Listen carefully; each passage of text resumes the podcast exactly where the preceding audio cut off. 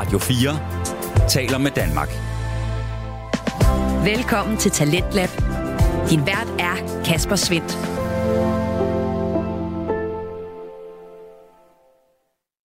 Og øh, vi har sådan en øh, aften her i programmet, hvor øh, vi er lidt mere alvorlige, og der er nogle vigtige budskaber på spil. Og øh, det er igennem nogle af dine vildt autentiske og ærlige medmennesker, som øh, altså har besluttet sig for at lave en øh, fritidspodcast, som du kan høre her. I aften skal vi både høre fra Autisme med Hjertet og podcasten Frygteligt Fascinerende, og lad os da endelig komme i gang med den menu. Du lytter til Radio 4. Og vi starter altså med Stine Bøsteds podcast Autisme med Hjertet, som er sådan en faglig og personlig podcast om øh, livet med autisme tæt på. Hun øh, leverer både alene afsnit og øh, gæsteepisoder, som består af pårørende, fagfolk og personer med autisme selv. Og Stine, hun udbreder både budskabet og kendskabet til autisme. Øhm, hun er familierådgiver, pædagog og foredragsholder, og så er hun mor til en dreng med autisme. Og præcis den her personlige vinkel, det skal det også handle om i aftenens afsnit, der er den første af tre episoder med Stines mand Morten. De to forældre de taler om den rejse, det indtil videre har været at øh, have en søn med autisme, og i den forbindelse der er det selvfølgelig super vigtigt øh, lige at nævne, at øh, forældrene selvfølgelig elsker deres børn, præcis som de er, men via podcasten her, der har de altså en øh, mulighed for at lufte de udfordringer og sårbarheder, der er i at være forældre til børn med autisme eller andre usynlige handicap. Og øh, det er særligt for, at den viden skal hjælpe dig eller andre lyttere med autisme tæt på, og den hjælp får du altså første del af lige her. Hej og velkommen til. I dag har jeg min første gæst i studiet, som er Morten, min mand. Og i dag skal vi tale om øh, vores historie omkring det at få et barn med autisme. Vi skal tale om, hvordan vi har oplevet at være forældre igennem den her tid med ham. I dag er han 15 år, Øh, vi skal også tale om, hvad øh, vores vej til, at vi står her i dag, hvordan har været. Øh, og vi skal tale omkring, hvordan det var for ham at starte i vuggestue, børnehave og starte på diverse skoler. Så velkommen til, Morten. Tak for det. Vil du øh, sige et par ord om dig selv, sådan hvad du laver? Jamen, det kan jeg godt. Øh, jeg er 45 år, og jeg arbejder som ingeniør. Og så er jeg med i skolebestyrelse og har været med i forældrebestyrelser og forskellige ting, og sager undervejs. Og er spejderleder for Anton i fritiden. Ja. Inden vi går rigtig i gang omkring at tale om Antons og vores historie, hvor vi står i dag, så synes jeg, at vi skal runde det rent etiske i at sidde og snakke om ham. For jeg har da gjort mine overvejelser omkring, om det her afsnit overhovedet skulle blive til noget, fordi vi kommer jo til at tale om, hvordan det er at være forældre til vores søn Anton. Og det betyder også, at vi kan jo komme til at sige ting, som i andres ører ikke lyder så pænt, Øh, og det betyder jo ikke, at vi ikke elsker vores søn, tænker jeg. Nej, det... det betyder jo heller ikke, at vi ikke kan lide ham, og at vi ikke bakker ham op. Øhm, men når man er forælder til et barn, som har autisme, så øh, er det jo ingen hemmelighed, at det er hårdt arbejde. Nej, det er det. Og man, man kan sige, det er jo også tit, at vi har voksensnakken, hvor vi siger ting, som bestemt ikke skal vores børn få øre. Altså, man kan godt tale om, hvor hårdt det har været, og hvor drønirriterende det er, at, at der ligesom ikke kommer den her læring eller udvikling, men, men, men det kan vi jo sagtens komme til at snakke om. Men det er jo ikke noget, der skal vores børn få øre, og, og så kan man ligesom bedre lægge den til side bagefter. Så, så det er vel ikke anderledes end den snak, vi har, og, og, og egentlig, jeg tænker også, at vi er meget åbne over for alle andre omkring, hvordan vi har det, og, og er meget opmærksom på, hvad er for børneører, og hvad er for, hvad er for voksne hvad er for fagører, hvad er for, altså, jeg tænker, at vi, at vi det er vel et spil, vi er i altid. Ja. Jo, men jeg tænker også, altså, vi kan jo være bevidste om, hvornår vi taler om tingene derhjemme, og om han skal høre det. Men når vi laver en podcast her, så bliver det jo lagt ud, og i princippet kan han jo høre det. Øhm, og, og det er også det, jeg har, jeg har jo spurgt ham, om det er okay, vi optager at invitere dig med i dag, øh, og taler om hans historie. Og det var okay for ham. Det er også bare vigtigt for mig at sige, at vi er ikke ude på at, at nedgøre ham eller nedgøre andre øh, børn. Vi er, ikke, vi er ikke ude på at tale grimt eller øh, fortælle i den her podcast, at vi ikke synes, at vores søn er god nok. Øh. Nej, nej, altså... Man kan sige, det er vel bare sådan et meget ærligt billede af, hvordan det Ja, hvordan ja. det opleves at være forældre til en autist. Ja. Øh, ja, det er jo bare vigtigt for mig, at vi lige får rundet denne her, øh, ja. kan man sige, det her emne. Ja. Men skal vi ikke springe ud i det, Morten? Det tænker jeg. ja. Øhm. Altså, jeg kunne godt tænke mig, at vi gennemgik det sådan lidt kronologisk fra han blev født af og til hvor vi står i dag. Øhm, og vejen til i dag. Øh, og særligt, at vi måske også dykker ned i omkring øh, udredningstiden, der hvor at øh, vi var usikre på, øh, op til udredning og efter udredning, og hvad der så skete derfra.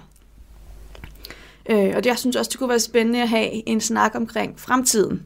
Øh, hvad må den bringer? Det er der jo nogle af os, der ved, men, men det, det, det kunne jeg også godt tænke mig, at vi berører. Ja. Øhm, undervejs så kunne jeg også godt tænke mig, det tror jeg ikke, vi heller kan undgå, at vi kommer ind på samarbejdet med de forskellige fagpersoner, vi har mødt igennem tiden. Og det kan jo være pædagogerne i vuggestuen, til psykologen fra PPR, øh, dem har vi haft nogle stykker af. Det kan være diverse socialrådgivere, øh, og sammen, altså samarbejdet med de fagprofessionelle omkring os. Så jeg tænker, at, øh, at jeg lige starter op, og så håber jeg på, at du har lyst til at byde ind. Man kan sige, dengang Anton han blev født, øh, opdagede vi ret hurtigt, at vi vidste ikke, der var der var noget på spil her omkring autisme eller noget, men vi opdagede også ret hurtigt, at han var en baby, som ikke kunne gå fra arm til arm uden at ret hurtigt blive overstimuleret. Han var også et, et lille barn, som vi kunne ikke tage til fødselsdag i weekenden om lørdagen, og så et andet sted til bedsteforældre, f.eks. om søndagen. Øhm, fordi så havde vi et barn, som blev meget uroligt. Ja, det er, det er rigtigt. Der lærte vi meget hurtigt hans rutiner at kende, og, og, og på en eller anden led, så var vi jo uerfarne i det her med at være forældre, så var normalitetsbegrebet, det havde vi jo ikke sådan rigtig styr på. Det var, det var sådan, han var, så, så på den måde, så tænker jeg, at vi måske har overset nogle tidlige tegn. Øh, eller vi har, i hvert fald, vi har i hvert fald fundet vores vej igennem da han var spæd og, og, og meget ung, til ligesom at sige, eller lille barn, og, og, og ligesom finde ud af, hvordan er det, vi skal, vi skal passe på ham. Hvad er det, der, hvad er det, vi kan, hvad er det, vi ikke kan, og hvad er prisen for at fylde for meget på? Ja. Ja, og, og det tænker jeg også, altså jeg er jo uddannet pædagog, og dengang arbejdede jeg i en vuggestue, så det var jo ikke fordi små børn var fremmede for mig, men der var jeg jo på arbejde professionelt når jeg var sammen med Anton derhjemme, så var jeg mor, øh, og havde ikke blik for, at der var noget anderledes. Nej, det, det kan man sige, og indimellem så, når vi har stået lidt der på herrens mark, og jeg så har spurgt, mm, hvad vil du gøre på arbejdet? Mm, så det, det, har, du, det har du tit sagt, og det kan være, det kan være svært for mig at helt at, at, at sætte mig ind i. Jeg tror, jeg har lært det efterhånden, men Jamen, det ved jeg ikke. Nu er jeg jo bare mor. Nu er jeg jo ikke på arbejde, så jeg ved godt, hvad jeg skulle, hvad jeg skulle rådgive forældre på arbejde til. Jeg ved godt, hvad jeg skulle, øh, skulle gøre i situationen på arbejde, men, men nu er jeg jo hjemme, nu er det jo mit barn, nu er det jo privat, så, så jeg, kan slet ikke, jeg kan slet ikke lægge den her øh, forældrerelation tilpas meget frem til at tage den fagprofessionelle øh, tilgang til det øh, på. Nej, Nej, men det er rigtigt. Ja. Og jeg tænker, at, at vi har jo særligt en af de første gange, vi virkelig øh, øh, sat Anton på en prøve, eller man kan sige, det var ikke bevidst, vi gjorde det. Det var øh, en gang, da han var, øh, vi var begge to spejdere, og var til, øh, var det 100-års jubilæet? Ja, jeg tror, det var spejdernes 100-års jubilæum, altså internationale spejders 100-års jubilæum i Roskilde, hvor samtlige spejder i Danmark var inviteret til, til kæmpe festarrangement i, i Roskilde, hvor der var en masse aktiviteter rundt omkring i Roskilde i løbet af dagen, og så var der den her samlede øh, optog, march, et eller andet ud til, ud til festivalpladsen i Roskilde, hvor at, øh, jeg tror, jeg var afsted hele dagen, og du dukkede op med, med Anton. Øh, han har nok været cirka tre måneder gammel der, og der, øh, du havde ham med i barnevognen, og, og vi havde den her bæresel med, som han egentlig ikke havde brugt særlig meget, men, men øh, han var han blev urolig, som jeg husker det, mens han sad i, i barnevognen, i barnevognsselen, og havde måske brug for noget kropskontakt, og vi tolkede det som, han skulle bare ud og, ud og opleve verden, så øh, jeg tog ham op på maven og satte ham i den her bæresæl, vendende ud imod verden. Fordi at han i, i første omgang bare sugede indtryk til sig i, i en eller anden grad. Og ja, den pris, den betalte vi jo så, da vi kom ud til, til festivalpladsen, hvor han så var fuldstændig utrystelig, og han kunne ikke engang øh, det far i mortræk med at, med at arme ham og få ham til at falde i søvn, det virkede overhovedet ikke. Han var, han var Ja, han skreg i fuldstændig ja. afmagt, ikke? Jeg kastede op, når han så, når han så ligesom havde, havde lagt sig til, så en mundfuld mælk, og så kastede han op. Det var... Ja, han var ikke en, der normalt græd. Han græd faktisk ikke særlig meget øh, som lille. Øh, men det, der, det var godt nok. Jeg ved ikke, om man kan kalde det en tidlig nedsmeltning, men han var i hvert fald fuldstændig utrystelig. Ja, det var, det, det var, det var noget af en, det var noget af en oplevelse. Ja. Og ja, da vi, da vi så ligesom, okay, nu bilen holdt i den anden ende af Roskilde, eller holdt langt væk, så jeg skulle, det var sådan lidt, så må jeg hente bilen, sådan så at du kan komme hjem. Jeg kan ikke huske, om jeg havde taget bilen til Roskilde, og så skulle du køre hjem i bilen, eller vi skulle fælles hjem i bilen. Du havde i hvert fald taget bussen til, til Roskilde. Og jeg måtte ned og hente bilen, og kommer til festivalpladsen. Vi var kommet ind på festivalpladsen, og du sad ved, ved nogle staldbygninger ved festivalpladsen. Og jeg kommer op til festivalpladsen, og der står de her vagter udenfor. Og du kan ikke komme ind her, og du må ikke holde her. Der, det var sådan første gang, at man ligesom måtte træde i karakter som autismeforældre og sige, det kan godt være, på det tidspunkt vidste vi jo ikke, det var autisme, der var, der var i spil, men det kan godt være, at, at man ikke må holde her. Men jeg har et barn, der skal læse sin bil, der skal hjem nu, fordi han er fuldstændig utrystelig. Så mm. det, kommer, det kommer til at være sådan her, som jeg siger, hvor man ligesom træder i, i karakter og ligesom på en eller anden led får, får sprængt nogle rammer, øh, flyttet, nogle, flyttet nogle rammer, eller, eller får sat, får sat scenen. Jeg fik i hvert fald lov til at køre ind og få læsset barnevogn og Anton og dig i bilen, og så få sendt dig og Anton afsted med, med jeg ved ikke, nerverne lidt flosset, øh, lidt usikker på, hvor vi var henne, fordi at jeg havde så samtidig ansvaret for nogle tropspejdere, jeg skulle være leder for i forbindelse med den her koncert, der skulle være ude på festivalpladsen. Så jeg måtte ligesom få pakket jer sammen og få sendt jer afsted. Og, og Anton, som jeg husker det, fandt lidt ro, da han kom ind i hans, i hans stol. Der var i hvert fald ikke helt lige så meget øh, øh, øh nedsmændning tilbage over det, da vi fik spændt ham fast i barnestolen, og så få sendt dig afsted, og så undervejs få, få ringet til dig, hvordan går det med ham, og jeg håber, du får noget at spise, fordi vi skulle også have, have aftensmad ude mm. på festivalpladsen, så der var lige pludselig mange ting, der, der ligesom, og, og, ligesom skulle på plads, og så en splittet følelse af, hvor man burde være henne. Ja, så man kan sige, det var første gang, at, at du ligesom trådte i karakter, og var som et begreb, jeg plejer at bruge, eller vi begge to bruger, det der med at være løvemor og løvefar, og med spidse klør. Men det var første gang, du egentlig viste din klør og, sag, og sagde, det kan godt være, at man ikke må det, men det bliver jeg nødt til, for jeg skal have mit barn hjem. Ja. Øhm, ja. Og det, det, det er faktisk på en eller anden led, det, den, det er først, når vi sidder her og samtalen, at jeg egentlig sådan ligesom får draget den der parallel til, okay, var det allerede, da han var tre måneder gammel, at jeg ligesom røg i den karakter eller i den rolle. Ja, med at bane vejen, eller Ja, man kan også kalde det køle, uden jeg mener det negativt, for det er jo også det der med at få, ja, ja, få gjort vejen så nem og tilgængelig som muligt for, for ja. vores søn. Og det tænker jeg, at der er mange forældre, der kan genkende det med, at vi rigtig tit får, får gjort tingene nemmere for vores børn. Og vi prøver i hvert fald på at undgå, at de skal få det svært. ja, Fordi de har det svært nok ofte i forvejen. ja, Ja. Mm. Men så sker der jo det, at han bliver jo ældre, og øh, så starter han i børnehave på et tidspunkt. Ja, han starter i vuggestue. Øh, ja, måske skal vi tage den først. Han starter i vuggestue, og øh, han er sådan en lille tonser. Øh, han tonser rundt og hygger sig og har det godt, men omvendt, så øh, han er altså også en, der ret ofte kommer til at bide de andre børn i vuggestuen. Og det er jo et eller andet sted, det er jo mange børn, der gør, øh, har en periode, hvor at, at de bider. ja. Øhm, det havde vi selvfølgelig nogle snakke med vuggestuen om, men de var ikke specielt bekymrede. Og det var vi egentlig heller ikke, tænker jeg.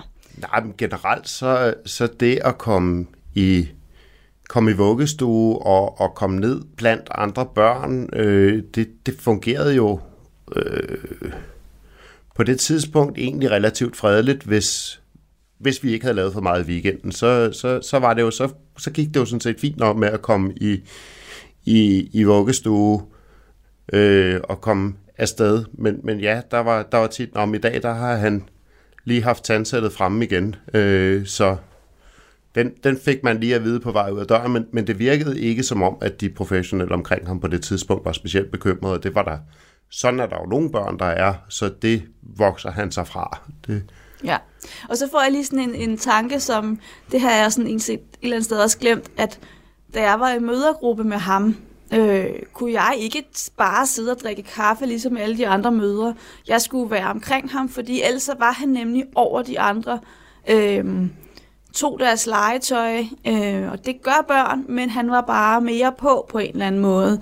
Øh, og også i mødergruppen kunne han også finde på at, at sige hapsen gevisen til nogle af dem. Øh, og, og når jeg siger det, så er det fordi, jeg, jeg, altså jeg, jeg sammenligner det med, når når jeg var i mødergruppe med, med Willum, hans lillebror, som ikke har nogen diagnose, hvor jeg med ro i sindet kunne sætte mig og drikke en kop kaffe med de andre mødre og snakke med dem og hygge mig, øh, fordi han, han legede bare og hyggede sig med de andre børn. havde ikke brug for, at jeg var på sidelinjen på samme måde hele tiden nej, om det er rigtigt. Altså, han har, han har jo altid haft øh,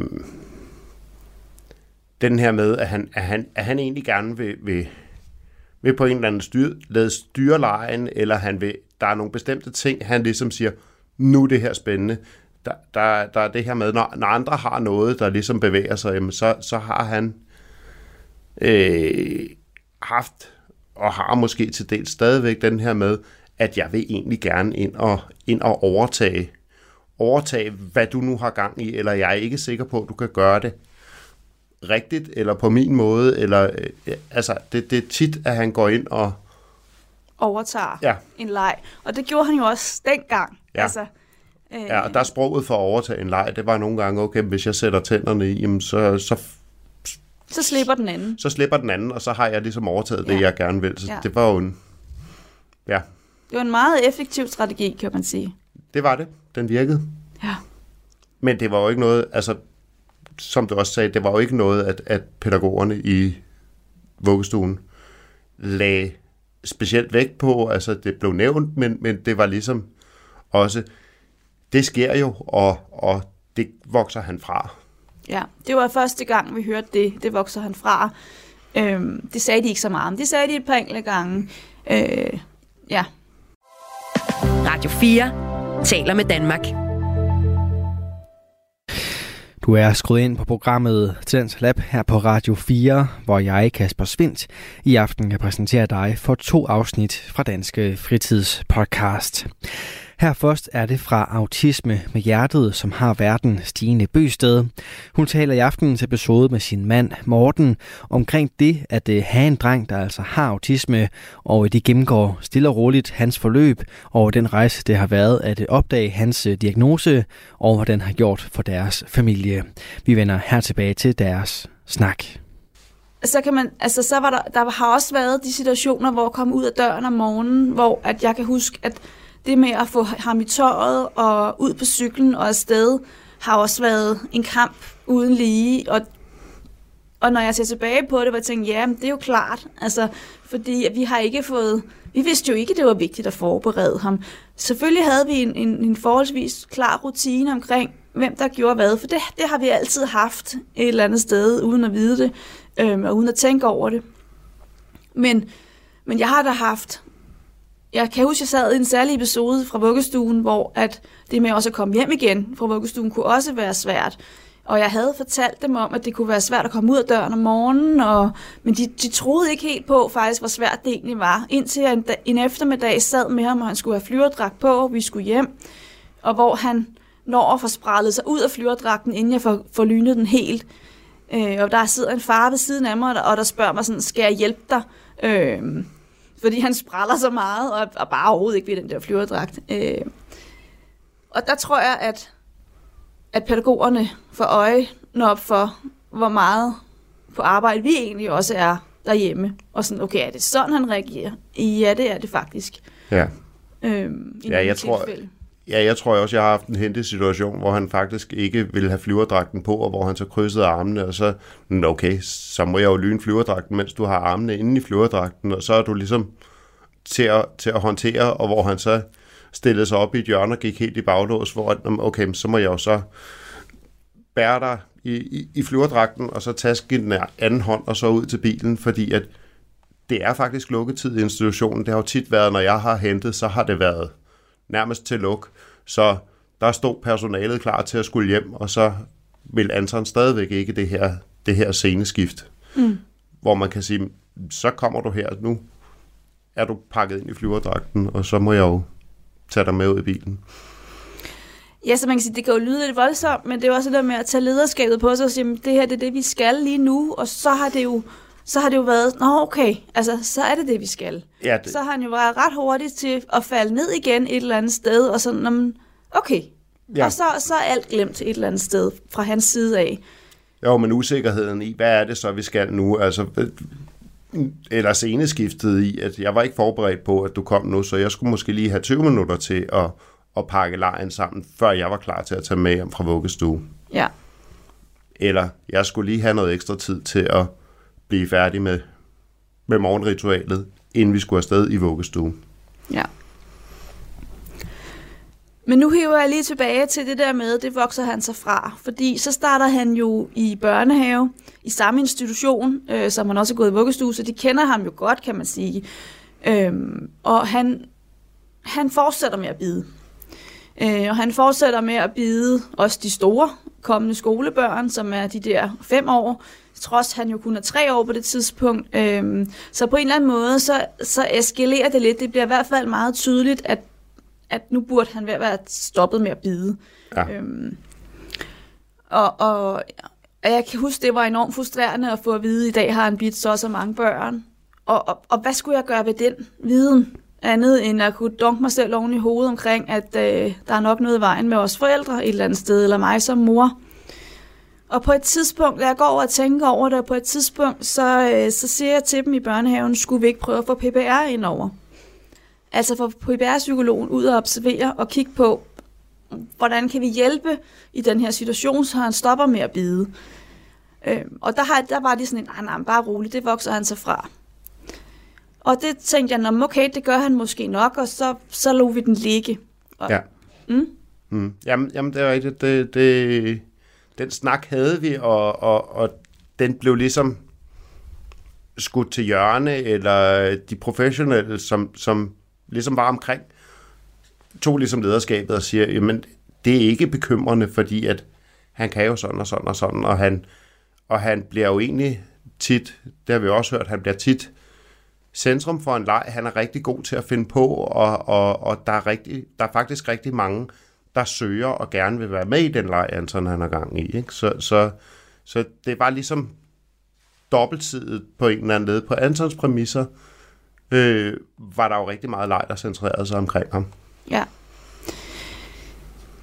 Og det fører jo også til, at, eller det, det ved jeg ikke, det fører ikke det til noget faktisk, men, men det jeg vil sige, det var, at, at han går i den her børnehave, som faktisk, øh, ved at du deltager i de bestyrelsesmøder, du nogle gang gør, kunne få, at du er en af de første forældre, som ligesom får nys om, at, at børnehaven skal lukke.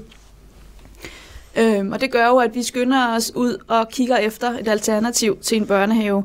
Øh, så da han er fire år, inden børnehaven lukker, så vælger vi at flytte ham til en anden børnehave. Øhm, og, det, og det gør faktisk, at øh, han falder mere til ro, vil jeg sige, øh, i en periode, fordi han gik i en børnehave, som var meget sådan, hvad synes du selv? Øh, gør det, du har lyst til, spis noget, du har lyst til, vær der, hvor du har lyst til. Øh, der var meget lidt struktur. Øh, og det havde vi bevidst valgt, fordi vi kunne godt lide den pædagogiske tilgang. Ja. Problemet er bare, at, at det kunne Anton ikke. Øh, det vidste vi bare ikke, han kunne. Nej. Øh, så da, da han faktisk flyttede til den anden børnehave, som er sådan nogle gode, gamle, gave pædagoger, som har arbejdet sammen i 100 år, vi plejer, og vi gør, og det, det kunne han faktisk rigtig godt. Ja, jeg er samtidig en forholdsvis lille institution. Der var ikke særlig mange børn. Altså, der var to, en, vugges, en vuggestuestue, og så to børnehavestuer med, med, med 20 børn på hver, og en vuggestuegruppe på 12 børn. Så det var jo ikke, fordi der var vanvittigt mange børn, så der var heller ikke så mange at forholde sig til.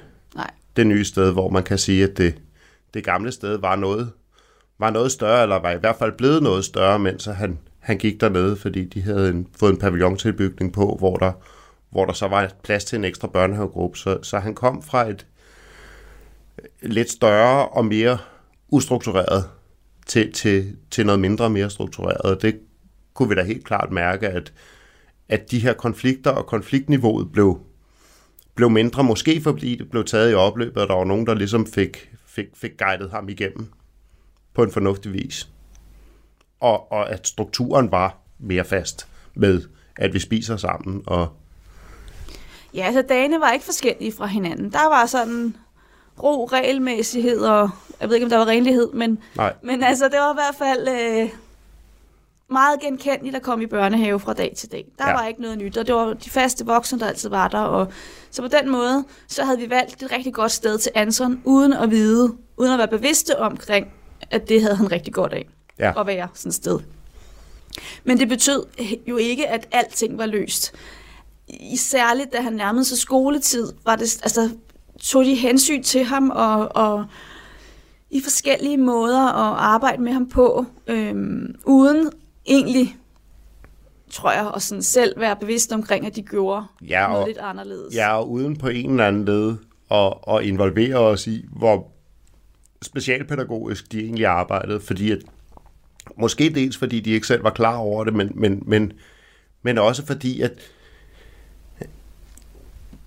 det fungerede øh, godt, hvis de, hvis de lavede de her twist på, på, på hverdagen. Ikke? Jo.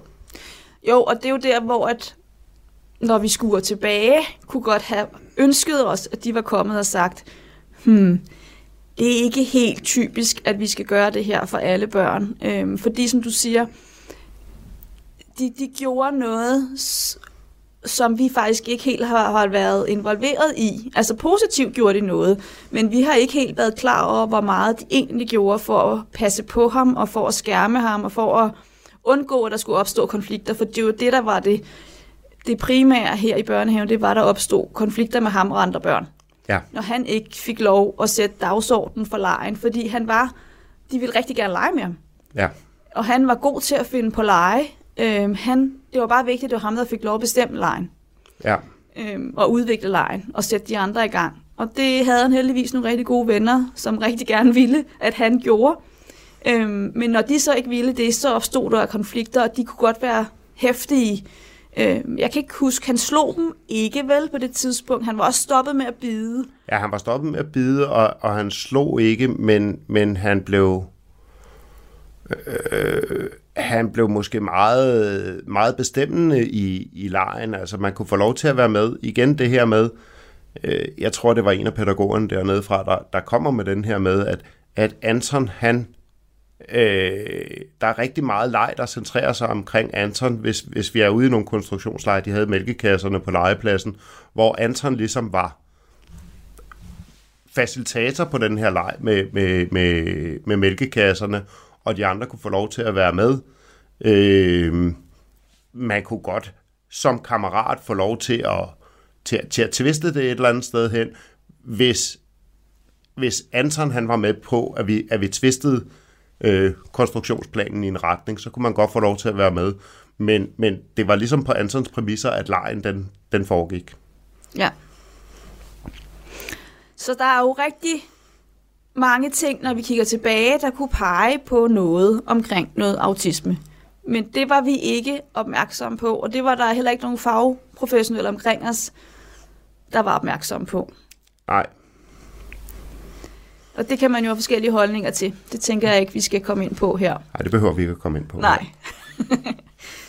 ja. Men så var det jo så, at han skulle starte i skole. Ja. Øhm, han startede på vores folkeskole, som ligger lige i nærområdet.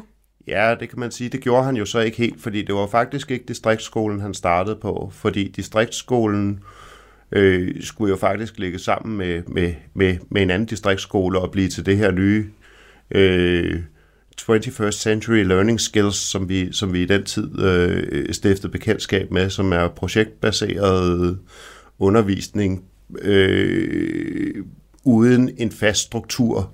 Øh, og der valgte vi vel aktivt fra, at han skulle være en del af et, et nyt skolemiljø, hvor man skulle til at tænke læring på en ny måde, hvor at det var øh, lidt mere lystbetonet, eller hvad det var, du gik i gang med. Det lød, det lød meget som om, at vi skulle, vi skulle lave nogle projekter og, og, og ligesom få læring ind, når vi havde brug for det. Og det var dels den her med, med, med to skoler, der skulle lægge sammen i, i, i noget nyt, og så var det jo dels det her med, at, at vi ligesom kaster, kaster det op og fjerner, fjerner strukturen, at vi ligesom øh, jeg ved ikke om, om, om baseret på, på vores erfaring med Anton ubevidst, eller, eller om, om usikkerheden i forhold til, øh, skal vi lægge barn til, til, til en, helt ny, en helt ny skolekultur. Men i hvert fald så valgte vi at søge om plads på skolen, der imod væk ligger tættere på vores hjem, men, men samtidig var mere en, en, en god gammeldags folkeskole med en masse erfaring, hvor der ikke var en masse øh, forandringer under opsejling. Mm. Ja, det var en lang smør for, det, for at komme hertil.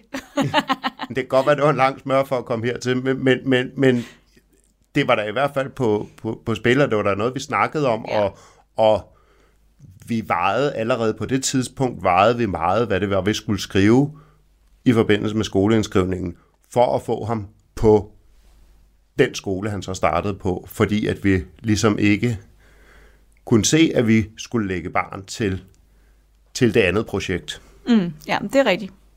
Men der blev han i hvert fald, han kom heldigvis ind på den lokale folkeskole. Ja. Øhm, og det gik jo også, men der, jeg kan huske i, i altså, i, i 0. klasse der, der kom øh, læreren og sådan sagde, hvad gjorde de i børnehaven? Øh, fordi at de oplevede ham jo, at der opstod konflikter, og det var svært for ham at indgå socialt. Øhm, jeg kan godt være, at du har, jeg har brug for, at du taler lidt ind i, morgen, hvad det egentlig var, der var så svært, for det kan jeg faktisk have svært ved at, og, øh, at huske, men jeg har lige brug for at sige, inden du afbryder mig, for jeg kan se, at du vil gerne afbryde mig, mm. at, at at hun, jeg kan huske, hun spurgte, hvad gjorde de i børnehaven, hvor jeg var bare sådan lidt, men hvorfor har børnehaven ikke lavet en overlevering til skolen omkring, hvem er Anton, og hvad har han brug for? Det havde jeg godt kunne ønske mig, at, at øh, det, de havde fortalt omkring, vi gør sådan og sådan, og det er det her, der virker. Men det havde de åbenbart ikke gjort, og jeg sagde til skolen, du skal være velkommen til at ringe ned i børnehaven og spørge dem omkring, hvad de gjorde. Fordi jeg var egentlig ikke klar over præcis, hvad, der, hvad de havde lavet i børnehaven for at passe, ham, passe på ham. Nej, det var det. Det var sådan, det var sådan lidt... Øh, det var lidt et wake-up call, at, at de kommer og siger, åh, det er svært, og hvad gjorde de i, i børnehaven? Fordi at, jamen det sidste års tid, han gik i børnehave, halvanden års tid, han gik i børnehave, der var det jo ikke sådan, det der var fokus, når vi snakkede med dem, øh, at, at de gjorde noget specielt, eller, eller det, var, det kunne være udfordrende.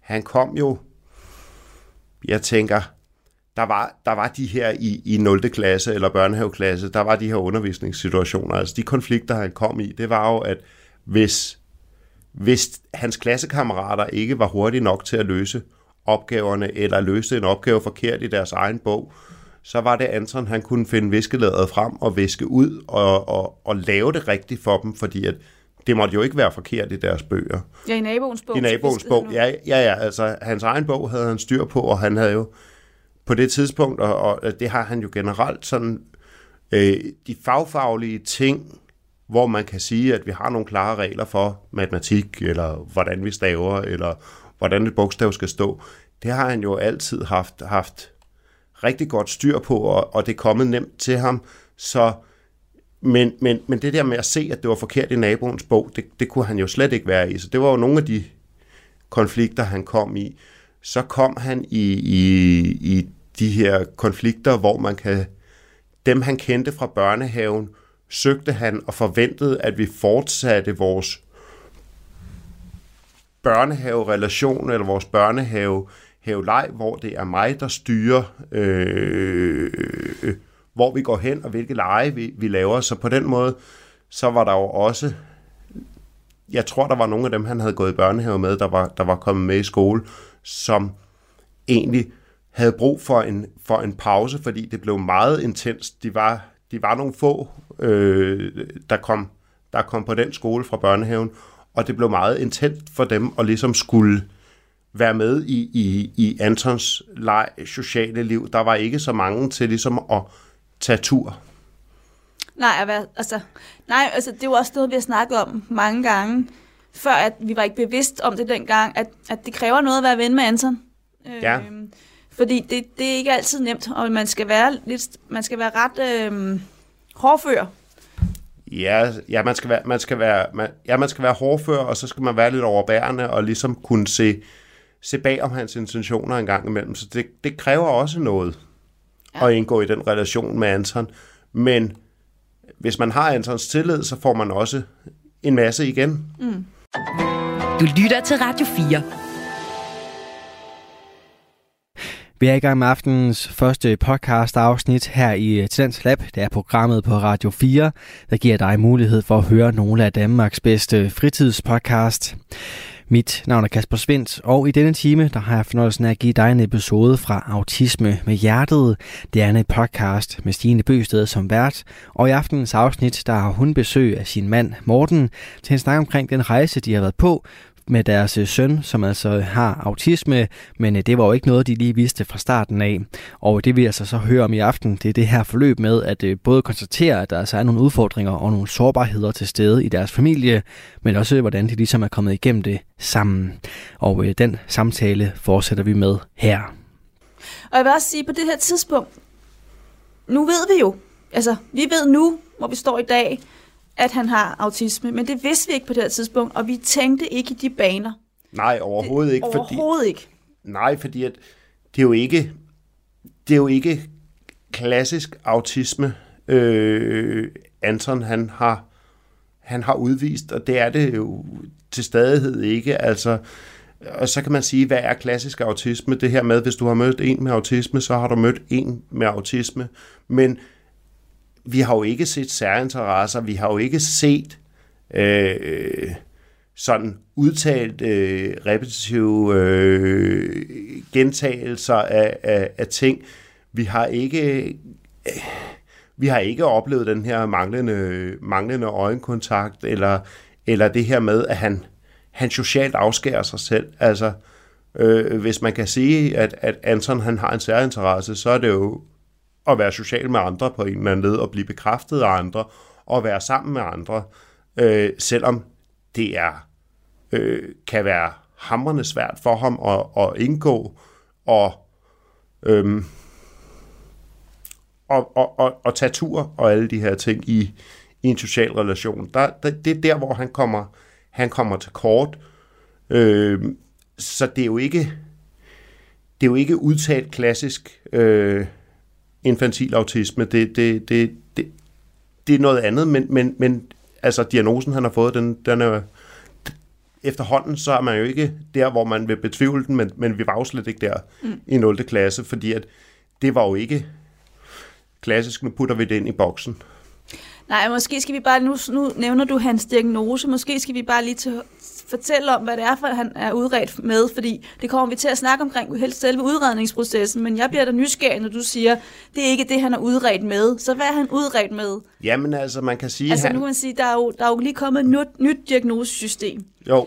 Øh, men han er udredt efter det gamle, og det bruges jo også stadigvæk, hvor at man ikke bare får at vide, at, at det er autisme, men, men det, det bliver ligesom... Øh, Ja, hvor infantil autisme og atypisk autisme og Asperger så, så videre, så videre, så videre. Og, og så falder man igennem, hvis man siger, at man ikke står på, på alle tre ben i træden der, og, og ikke har udfordringer inden for alle dele, men, men stadigvæk ligesom kan se øh, på, på, på forskellige test og sådan noget, at jamen det, det er det er de her øh, autisme-specifikke øh, vanskeligheder, man ligger i. Så man ligger inden for, for, for spektret, men du kan ikke ved, ved ren observation se, at det er autisme.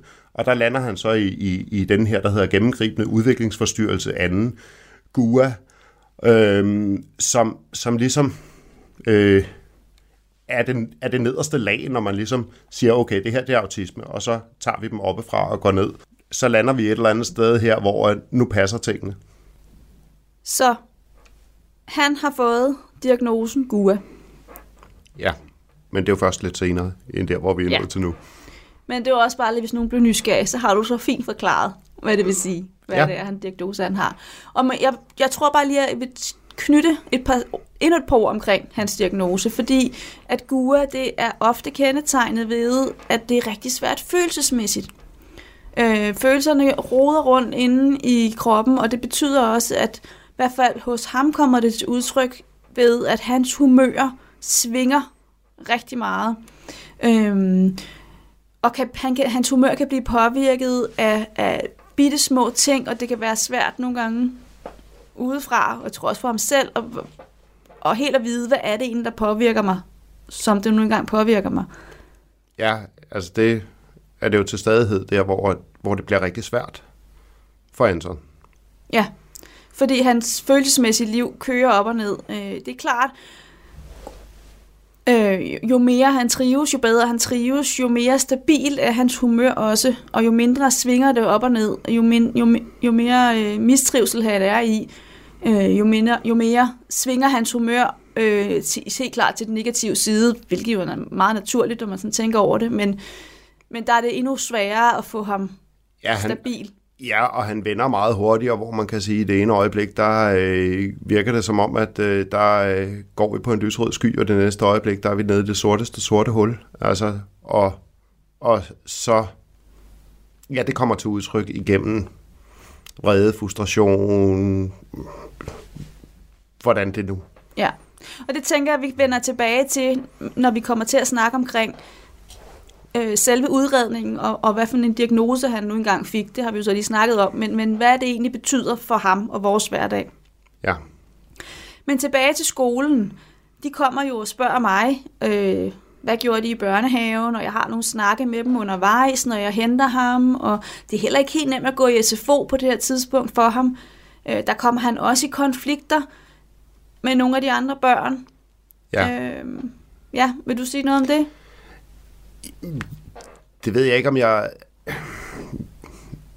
Altså jeg ved i hvert fald, de finder jo deres veje i det, i samarbejde skole og SFO, i at for eksempel så skal Anton ikke lukkes ud i garderoben med, med 20 andre fra klassen og sætte tøj på til frikvarteret. De finder ud af, at han skal måske ud og have, have sko og jakke på før de andre, eller også så skal han ud i garderoben som de sidste.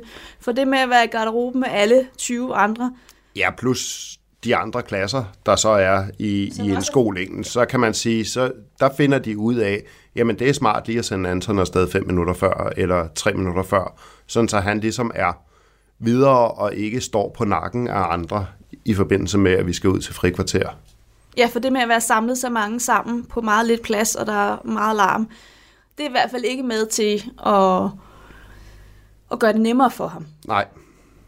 Nej.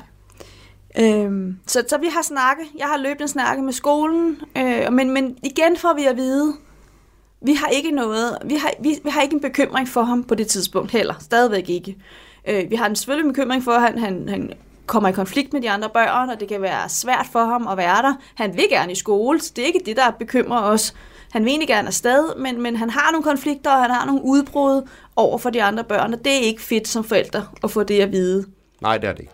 Det, det er selvfølgelig... Det er en bekymring, vi har. Ja, vi, vi er nok på det tidspunkt også mere bekymrede, end, end, end de fagprofessionelle om omkring ham er, men de giver os på en eller anden led en ro i, jamen, det vokser han sig fra, det kan vi godt håndtere, og det kan vi godt finde ud af. Så, så på det tidspunkt, der, øh, der ser vi jo bare, at vi har et barn, som egentlig fagligt klarer sig rigtig godt, og øh, egentlig rigtig gerne vil have, at hans klassekammerater også øh, får styr på det faglige på den rigtige måde.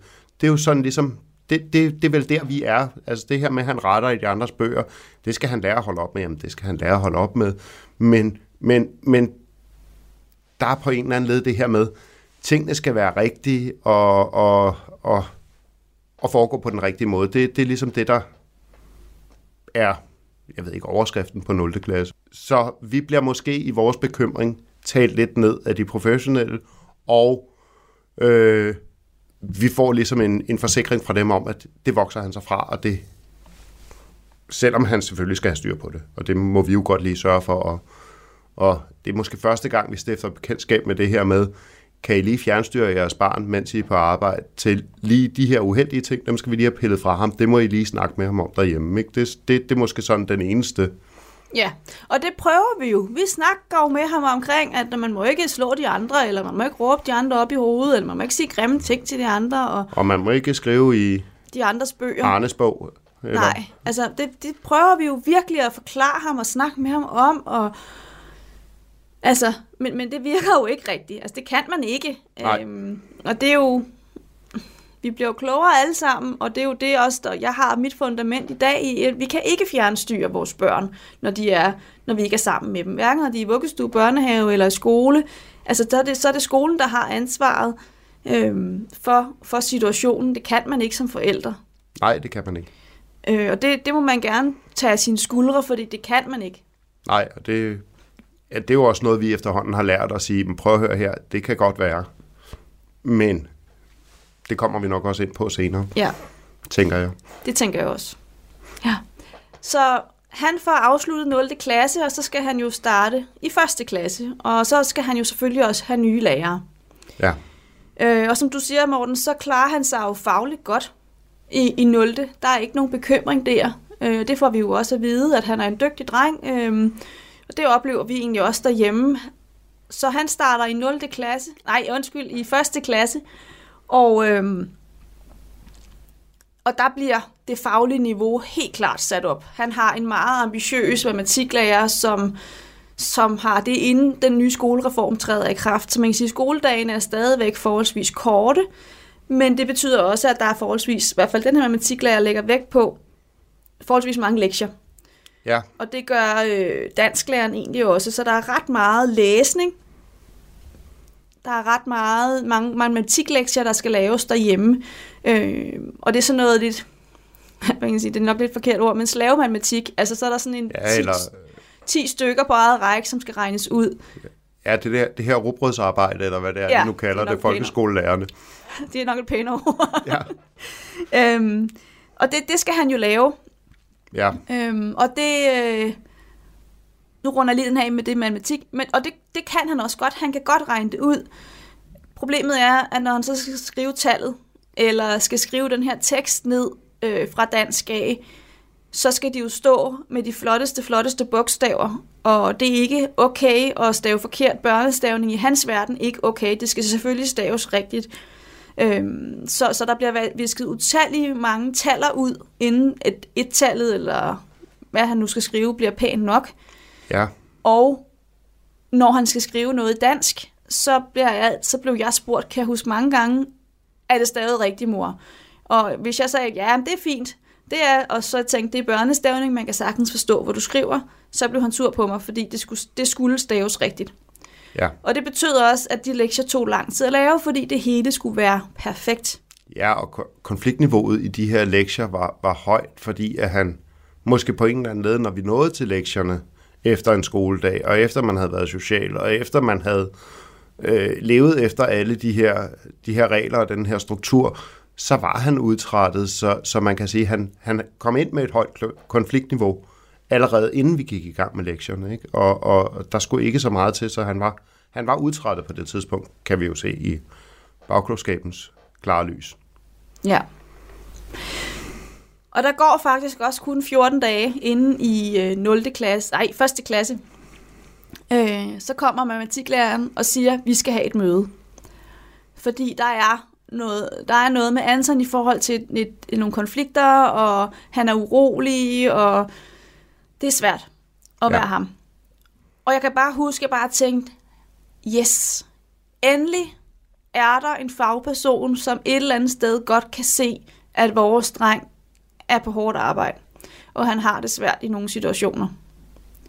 Jeg blev i hvert fald glad for det, og bare, jeg tænkte bare, det var dog dejligt, at han gider at snakke om det, og faktisk tager hånd om det, og vil mødes med os. Og ikke bare siger, det vokser han sig fra. Det er jo min umiddelbare reaktion. Ja. Jo, men det, jeg er ikke sikker på, at min reaktion var den samme, og det kan godt være, at det, det, det er senere i forløbet øh, omkring de her samtaler med, med, hans, med hans matematiklærer. Øh, men der er også på et tidspunkt, hvor vi rent faktisk, øh, eller det kan også godt være, at det er mig, der begynder at søge viden omkring det her med, med øh, særligt særlig sensitive eller særligt begavede børn, hvor man kan sige, at, at vi rent faktisk også med, ender med at være være meldt ind i, i, i, i Gifted Children, øh, fordi at det virker som om, at øh, det her slavearbejde eller robrødsarbejde, det, det ligesom keder, keder ham, fordi at han, han fagligt egentlig godt kan komme der ud af, men hvis det bliver rutine, så er det, at han, at han bliver urolig. Så, så hvis, hvis opgaven rammer på, på rette vis, sådan så at han kan, han kan udvikle sig eller shine fagligt, så er det ligesom om, at det, det, det kører nemmere, og hvor de her, det her ugematematik med de her opgaver, der skal regnes, det er på det tidspunkt, i hvert fald set fra mit perspektiv, så er det, så er det et spørgsmål om, at han, at han keder sig i, i, i de her opgaver, måske mere end at, at vi er klar over, at han har været på så hårdt arbejde, når han har haft en skoledag. Ja, men det er jeg helt enig med dig Og der føler jeg, at vi, at vi lidt, da vi så ligesom præsenterer den her idé, eller, eller finder, finder artikler frem, at, at der bliver vi ligesom øh, nikset, eller sat ud til højre, eller for at vide, at det er ikke det, der er på spil, det er ikke det, jeg ser. Øh, og, og, men vi har nok mødt den første fagprofessionelle på det tidspunkt, som egentlig har den erfaring og, og, og, og ikke har den her berøringsangst i forhold til det her. Det skal vi have, have gjort noget ved på en eller anden led. Ja, så, så man kan sige, at det, der sker altså fra, fra sommerferie og ind til jul, det er jo, at der bliver sat nogle, nogle ting i værk, altså nogle pædagogiske tiltag omkring, at han får et belønningskort, og han får faktisk også, jeg tror ikke, det bliver kaldt strafkort. Oh. Oh. Og ja. det vækker noget i dig. Ja, men det gør det, fordi at og har I nogensinde prøvet belønning derhjemme? Nej, det har vi ikke. Og vi har ikke prøvet et smileykort eller et stjernekort eller, eller noget som helst. Men, men, men på en eller anden led, så går vi med ind i det her, i det her belønningssystem, og øh, vi skal finde ud af, om det er nogle glaskugler, han får i et, i, i et bager, og når han så har fået 20 glaskugler, så skal det udløse en belønning. Øh, vi, skal, vi skal stå for på en eller anden led og lave noget med ham, som han rigtig, rigtig gerne vil, når han har fået hans, hans 20 stjerner eller 20 glaskugler. Du lytter til Talentlab på Radio 4. Og vi skal lige gå plads til nyhederne her på Radio 4, men øh, vi vender tilbage til podcasten Autisme med Hjertet, hvor Stine Bøsted snakker med sin mand Morten omkring den her øh, rejse, de har været på med at øh, få en øh, søn med autisme. Og i næste time, der får du også øh, et afsnit fra Frygteligt Fascinerende, hvor Maria Kudal tager fat i det tunge emne vuggedød og fortæller en øh, ret vild historie om en øh, morder, der måske er uskyldig dømt. Det får du alt sammen i aftenens næste time, men først en øh, omgang nyheder fra verdens bedste nyhedsoplæser.